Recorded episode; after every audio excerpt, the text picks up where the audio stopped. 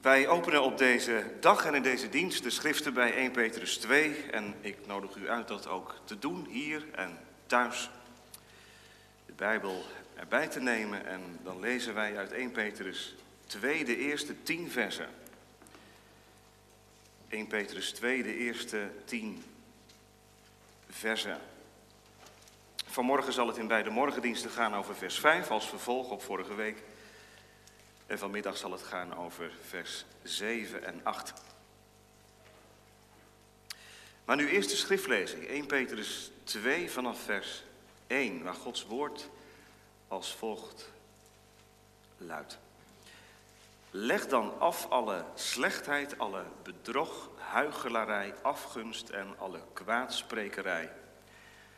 En verlang vurig als pasgeboren kinderen naar de zuivere melk van het woord, opdat u daardoor mag opgroeien. Indien u tenminste geproefd hebt dat de Heer goede tieren is, en kom naar Hem toe, als naar een levende steen, die wel door de mensen verworpen is, maar bij God uitverkoren en kostbaar. Dan wordt u ook zelf als levende stenen gebouwd tot een geestelijk huis, tot een heilig priesterschap om geestelijke offers te brengen die God welgevallig zijn door Jezus Christus. Daarom staat er in de schrift, zie, ik leg in Sion een hoeksteen die uitverkoren en kostbaar is. En wie in hem gelooft, zal niet beschaamd worden. Voor u dan, die gelooft, is hij kostbaar.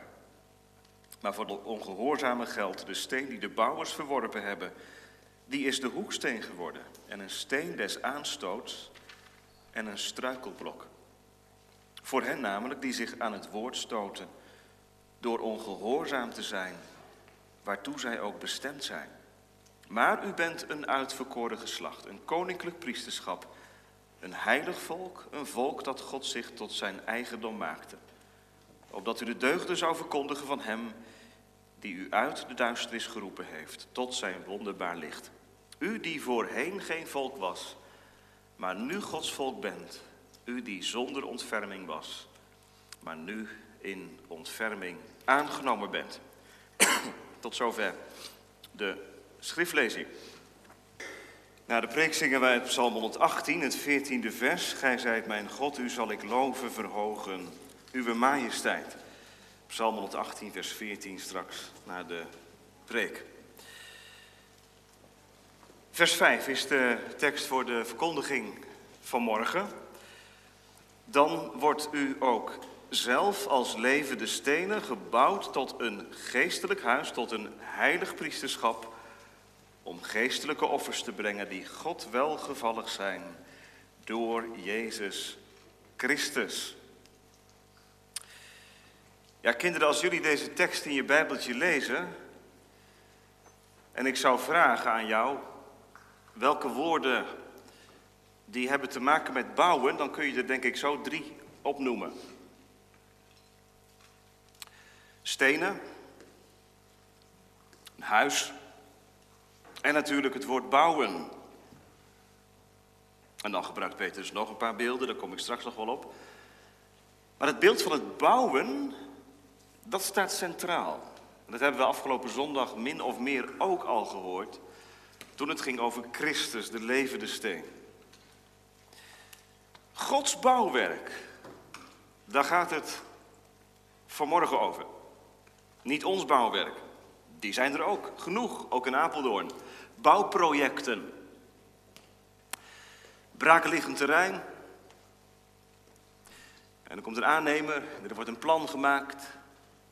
En vervolgens verrijst er na verloop van tijd een enorm gebouw of een complex. En wat heb je daarvoor nodig? Stenen. Een plan om uiteindelijk zo'n complex, zo'n huis te bouwen. Weet je dat het in de kerk, in de gemeente van Christus er net zo aan toe gaat? Daar wordt ook gebouwd. En daarom staan we stil bij drie gedachten. Wat is dan het bouwmateriaal?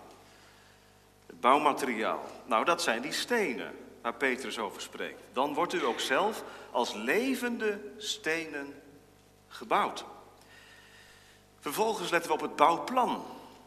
Want die stenen worden gebouwd tot een geestelijk huis. Er zit dus een plan achter. En tot slot staan we stil bij de bouwbestemming. en dat is het vervolg van de tekst. Want daarmee ben je er niet met dat huis. Het gaat uiteindelijk om een heilig priesterschap in dat geestelijk huis. Om geestelijke offers te brengen die God welgevallig zijn door Jezus Christus. Als toeleiding tot de tafel, Gods bouwwerk, het bouwmateriaal, het bouwplan en de bouwbestemming. Allereerst het bouwmateriaal. Ik heb al gezegd dat zijn stenen. Nou, als u hier in de kerk, als jullie hier in de kerk rondkijken, zie je natuurlijk ook stenen. Allerlei verschillende stenen. En al die stenen, die hebben we nodig om uiteindelijk dit ene gebouw te kunnen eh, bouwen. Maar wat zijn stenen? Stenen zijn koud en kil en zakelijk. Het is dode materie. Petrus heeft het in de brief niet over stenen zonder meer. Kijk maar mee, het gaat over levende stenen. En dat is wat anders. Dat zijn geen dode stenen, maar dat zijn stenen die levend zijn gemaakt. Als je ons leven nu van nature vergelijkt met zo'n steen, met zo'n dode, harde, kille, ongevoelige materie. Wat gebeurt er als de Heilige Geest in je leven gaat werken? En je ontdekt aan wie je bent. En de Heer Jezus Christus als de middelaar tussen God en jou presenteert. Nou, dan word je een levende steen, zegt Petrus. En hij heeft daarvan gezongen al in vers 3 van hoofdstuk 1. Geprezen zij de God en Vader van onze Heer Jezus Christus. Hij heeft ons opnieuw geboren laten worden. Dus dat is eigenlijk het middel geweest. Om tot een levende steen te worden. Opnieuw geboren overeenkomstig zijn grote barmhartigheid, door zijn genade. Dat doet de Heilige Geest. Hij wekt leven waar geen leven is. En hij hecht je aan de levende steen met een hoofdletter. En wie is die levende steen anders dan Jezus Christus? Want we moeten die twee dingen niet uit elkaar halen. Vers 4 en vers 5 horen bij elkaar. Je moet het eigenlijk in één adem lezen. En in vers 4 ging het over die levende steen. Christus. En nu dan over de levende stenen. Vindt u dat geen wonder, gemeente? Als Christus de levende steen is. God de Vader zegt niet, die levende steen is genoeg. Hij is wel het fundament. Hij is de hoeksteen. Hij draagt het hele gebouw. Maar God de Vader wil in zijn grote barmhartigheid levende stenen overal vandaan halen. Om dat gebouw te voltooien. De hoeksteen alleen is niet genoeg. Dat snap je toch wel, kinderen? Als er een gebouw gemaakt wordt en de eerste steen wordt gelegd, dan is het gebouw toch niet af? Dan moeten stenen bovenop komen. Net zolang tot het hele plan klaar is. Hoe word je nu gebouwd? Tot een levende steen. Door te komen. Door te komen. En Kom naar hem toe als naar een levende steen.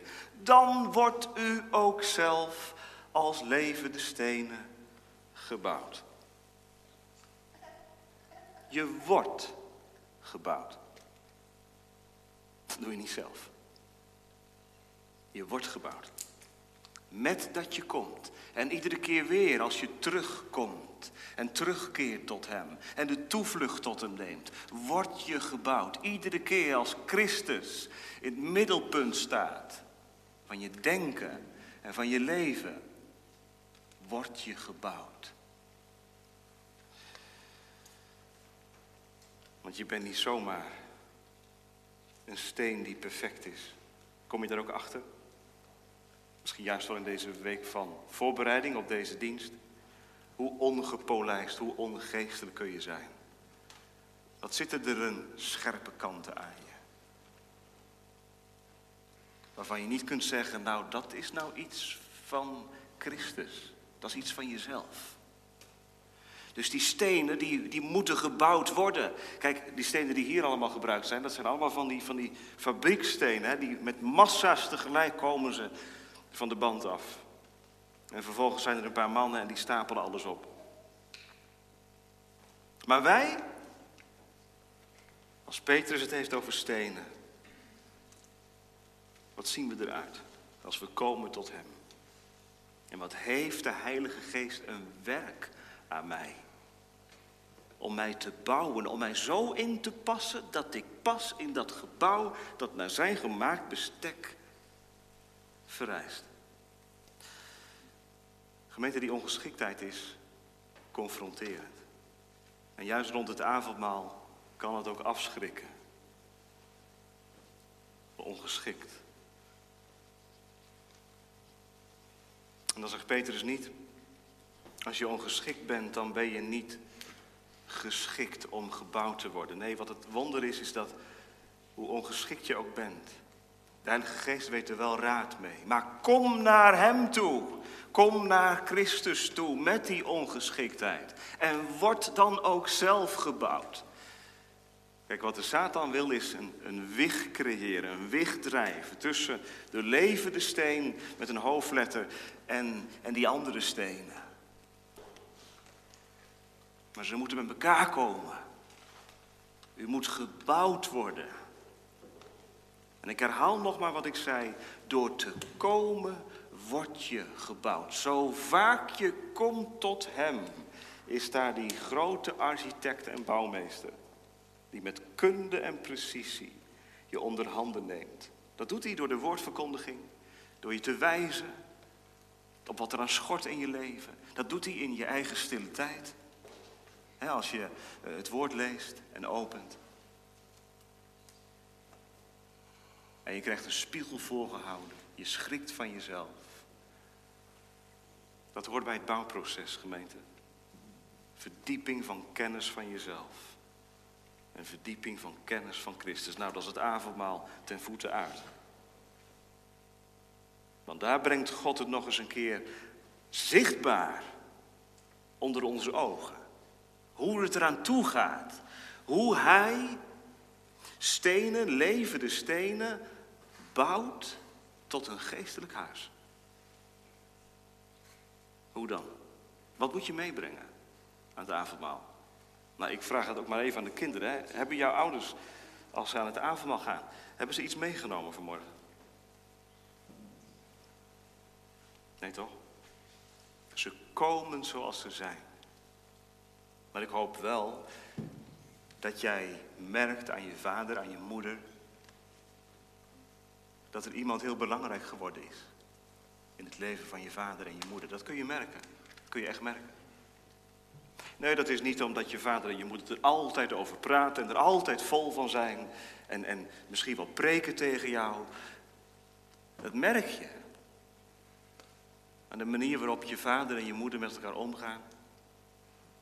Of ze het vermogen ontvangen om sorry te zeggen. Om jou om vergeving te vragen. Dat merk je. En hoe ze met jou omgaan. En waarom zijn er vanmorgen kinderen in deze kerk, mensen die straks gaan staan en de tekenen van brood en wijn ontvangen? Weet je waarom? Is dat omdat ze een beetje beter zijn dan de rest? Helemaal niet. Helemaal niet. Weet je waarom ze gaan staan straks? Ze gaan niet staan omdat ze zeggen, nou ik ben een levende steen en de Heer kan mij goed gebruiken. Weet je waarom je gaat staan? Als wij tot het avondmaal komen, zeggen wij daarmee niet dat wij in onszelf volkomen, perfect, geschikt zijn. Integendeel. Wij beleiden dat wij midden in de dood liggen. Maar we hebben het leven leren zoeken buiten onszelf, bij die levende steen. Nou, is dat nou je beleidenis? Kijk, dan is het avondmaal geloofsversterking. Want dan leer je het opnieuw en dat moet ingeoefend worden, moet ingesleten worden. Hij voor mij, de levende steen. Hij is de dragende steen van mijn leven. Ik kan mijzelf niet dragen. Ik heb Hem nodig, die levende steen. Op Hem moet ik gebouwd worden. Kijk, dan alleen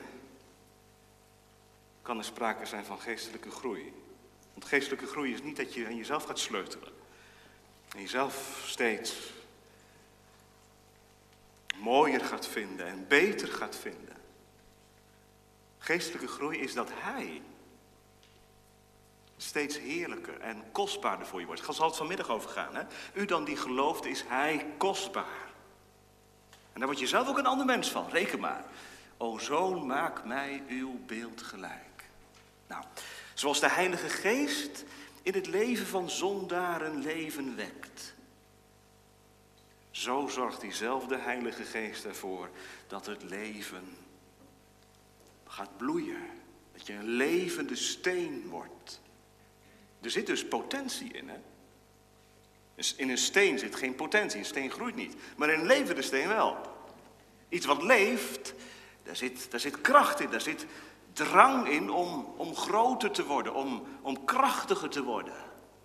Nou, een levende steen. We gaan er straks over hebben wat dat dan is, hè? Dat, dat die levende steen gaat, gaat groeien. Maar die levende steen kan alleen maar leven voor zover hij in gemeenschap leeft met de levende steen met een hoofdletter. De levende steen kan alleen maar krachtig zijn als hij zich hecht aan de levende steen met een hoofdletter. Jij kunt alleen maar geestelijk veerkrachtig blijven als je tot hem komt als naar een levende steen. Daar bidden we straks ook om, dat het avondmaal een middel mag zijn om hoe langer hoe meer onszelf over te geven aan Hem. Je moet straks maar eens heel goed luisteren naar het avondmaalsformulier. Er zijn wel eens mensen die zeggen, ik snap er helemaal niks van, maar er zijn wel eens mensen die, die zeggen, het avondmaalsformulier, dat is zo'n sleur geworden. Nou, lieve mensen, dan begreep je echt niet wat er staat hoor. Het is geen sleur geworden, dan moet je maar eens goed gaan lezen. Ja, wij kunnen er wel een sleur van maken, ja. Door het op te dreunen, wij dominees. Maar wat een goud staat daar, is daar te vinden in dat avondmaalsformulier. Die zinnetjes, die moet je weer proeven. Dat is geweldig. Nou, één zo'n zinnetje is dat hoe langer hoe meer onszelf overgeven aan Hem. Dat is de bedoeling van het avondmaal. Dus in het beeld dat die steen steeds meer hecht aan die hoeksteen.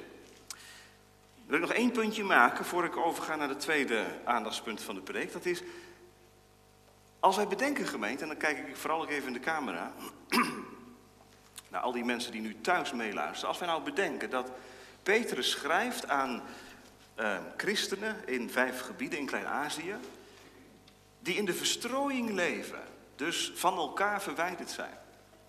En dan gebruikt hij dit beeld. Wat denkt u wat dat gedaan zal hebben in de hoofden van die christenen? Ik kan me daar wel iets bij voorstellen.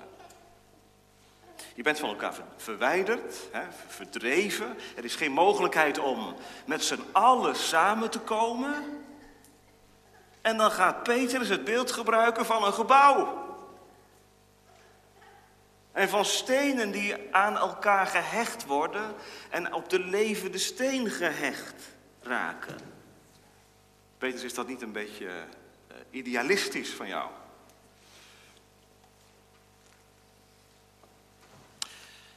Toch niet.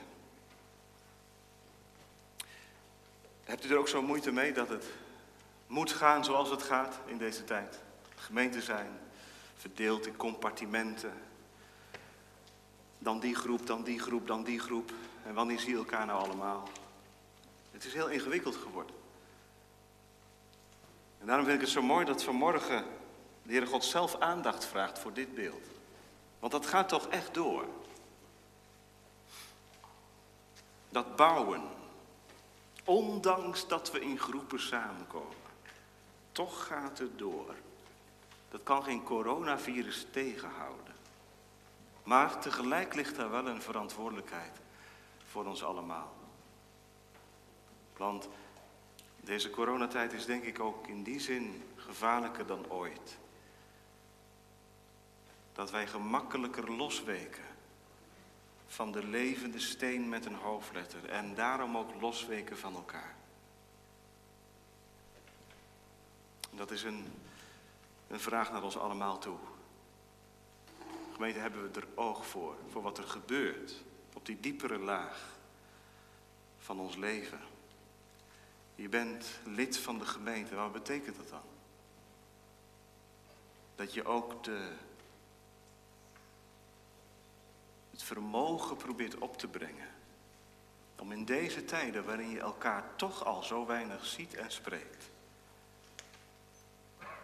In ieder geval te bedenken dat die gemeente, waar ze zich ook bevindt en in welke huizen ook, dat die gebouwd wordt tot een geestelijk huis. En dat ik er één onderdeeltje van ben. En laten we onszelf corrigeren als we bij onszelf die, die neiging voelen om maar voor onszelf te kiezen. En de gemeente de gemeente te laten. Als ik mezelf, als ik maar aan mijn geestelijke voeding kom, of dat nou op deze manier gebeurt of die manier, dat maakt dan ook al niet zoveel meer uit. Dan heb je het woord niet mee. Hoe ingewikkeld het thuis ook is, ik snap dat allemaal. Wij hebben er ook mee te maken. Maar denk aan dit beeld, geestelijk huis. Zo elkaar vasthouden, gemeente, hebben we echt nodig. Het tweede punt, het bouwplan. Petrus die gebruikt in het tweede deel van de tekst het woord huis. Ja, wat is een huis? Is een huis een verzameling stenen, gemeente? Is deze kerk een verzameling stenen? Als u naar de kerk kijkt, kijkt u dan naar de stenen afzonderlijk? Nee, dan kijkt u naar het gebouw als zodanig. Peter zegt, levende stenen, allemaal individuele levende stenen worden gebouwd tot één geestelijk huis. Dat is het geestelijke perspectief waarin Petrus gemeente zijn plaatst. In de tijd van toen, van verstrooiing en in de tijd van vandaag. Zo ziet God zijn gemeente op aarde. Niet als een verzameling zandkorrels, als een vergaarbak van lidmaten, als 600 nog wat individuutjes die toevallig gekozen hebben voor dezelfde gemeente, maar als een geestelijk huis.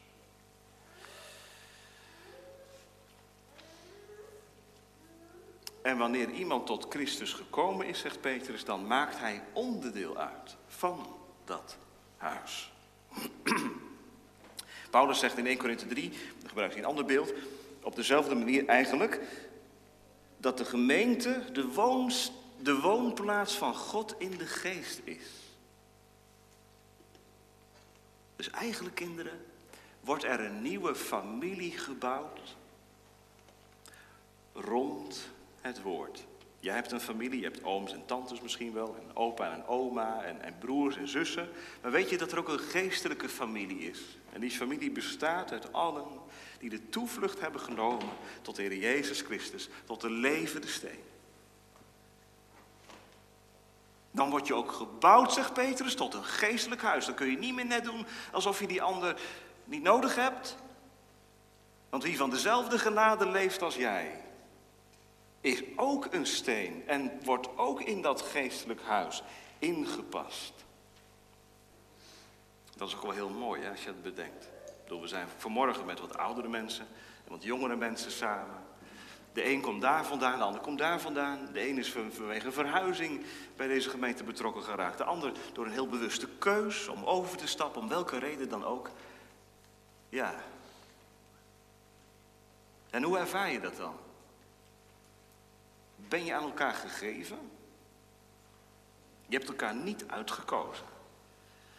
Je bent aan elkaar gegeven en rond de avondmaalstafel blijkt dat ook heel nadrukkelijk. Eén brood, één drank.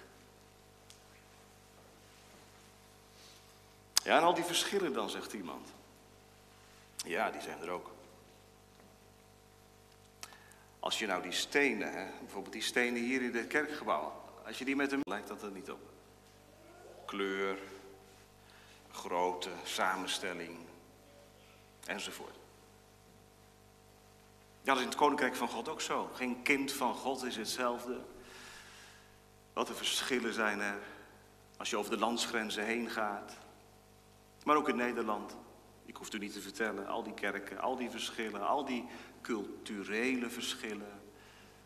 Al die randzaken waarin we van mening kunnen verschillen. Nou, dat maakt het ook wel ingewikkeld. Maar Petrus heeft het vanmorgen over de kern. Een levende steen, als die gegrond is op de steen Christus, wordt die gebouwd tot een geestelijk huis. Wat is dan kenmerkend voor al die levende stenen? Nou, dat ze weten van dat ze zondaar zijn. Zondaar zijn voor God. Dat ze weten dat ze verlossing nodig hebben en dat het te vinden is in de Heer Jezus Christus. En dat ze weten dat alleen door de genade van de Heilige Geest de verbinding tot stand gekomen is. Tussen mij, zondaar, en de Heer Jezus Christus. Nou, dat is de kern. En als je elkaar daarin vindt, dan kun je het ook wel hebben over verschillen. Want die hoeven dan echt niet onder de tafelkleed geveegd te worden. Die kunnen er zijn om allerlei omstandigheden en redenen. Maar dit is de kern. En dan tot slot gemeente, de bouwbestemming. De bouwbestemming. Hoe ziet het huis eruit? Van buiten is het een huis, een geestelijk huis. Maar van binnen dan een heilig priesterschap, zegt Petrus, om geestelijke offers te brengen die God welgevallig zijn door Jezus Christus. De beelden buiten over elkaar heen. Als je een beelddenker bent, dan kom je vanmorgen echt aan je trekken. Want in deze tekst worden ontzettend veel beelden gebruikt. Misschien zegt iemand wel, ik kan dat niet echt rijmen met elkaar. Eerst gaat het over stenen en over een huis en nu gaat het ineens over priester zijn en over offers. Ja, maar toch ligt het heel dicht tegen elkaar aan. Want wat is dat geestelijke huis? Dat is de tempel van God in het Nieuwe Testament. De tempel van God in het Oude Testament, dat was die zichtbare plaats waar God woonde en waar hij omgang met zijn volk wilde houden. Die tempel hebben we niet meer. Wat is nu de tempel? De gemeente. Hebreeën 3, het huis van God, het geestelijke huis. En in dat geestelijke huis gaat de priesterdienst door en worden er offers gebracht. Zoals in het Oude Testament de priesters er waren om offers te brengen. Zo in het Nieuwe Testament ook. En wie zijn die priesters dan? En wie brengen er dan geestelijke offers? Dat zijn die levende stenen. Dat zijn degenen die de toevlucht genomen hebben tot de Heer Jezus Christus. En die bidden, Heer, neem mij in uw dienst. Laat mijn leven een God welbehagelijke offerande zijn. Ja, dat ga je pas vragen en bidden als je gekomen bent tot Christus. Dan krijgt het gebed, o zoon, maak mij uw beeld gelijkwaardig. Wat verlang je dan? Een heilig priesterschap te zijn.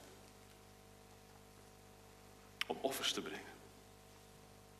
Een priester gereinigd door het bloed van Christus. Die zichzelf opoffert.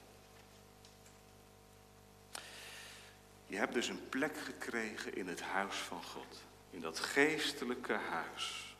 Met dat je gekomen bent tot Christus. En daar mag je offers brengen. Welke offers? Offers om iets af te betalen? Nee. Offers aan Hem toegezeid. Vanuit dankbaarheid. Je leven, je lichaam, je hoofd, je hart, je handen, je voeten. Heere God, geef dat ze u ter eer gebruikt mogen worden. Als je op de markt staat, in je vrachtwagen zit, achter je bureau, in de contacten met je collega's, onderweg, in je huisgezin. Dit is het beeld wat Petrus op ons netvlies brengt. En dit is waar God zijn gemeente hebben wil. Een heilig priesterschap om geestelijke offers te brengen. Ik weet niet hoe u het ervaart, gemeente, maar als ik deze woorden lees, dan schrik ik van de oppervlakkige gedachten die ik vaak heb bij gemeente zijn. U ook.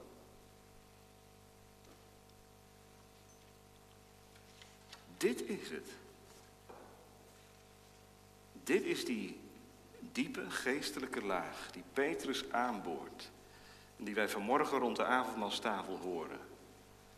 Als u van Christus bent, bent u een heilige priester en dient u de Heere door offers te brengen.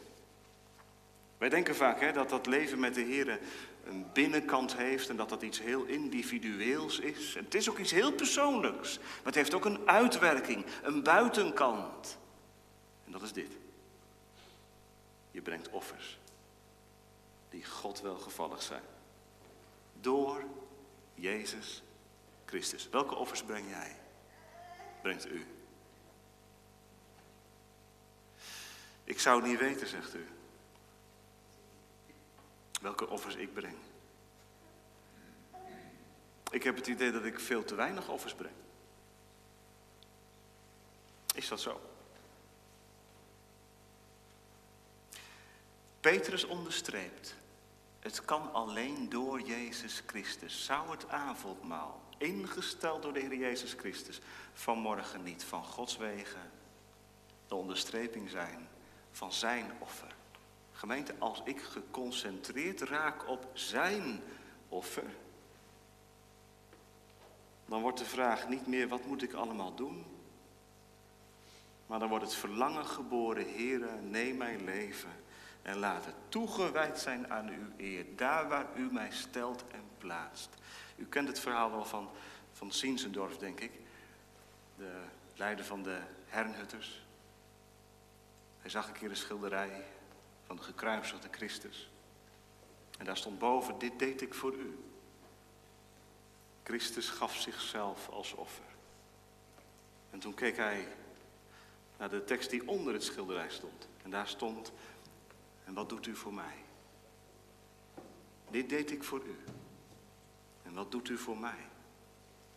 En dat is voor von Zinsendorf de, de aanjager geweest om zijn leven in dienst van de Heer te geven. Niet als een actie terug, maar als een hartelijke, geestelijke houding, opgezocht door Christus. Laat ons dan door Hem altijd goden opofferen, een offerande van lof. Dat is de vrucht der lippen die Zijn naam beleiden. Waar we ons ook bevinden, op welke plaats we ook gesteld zijn.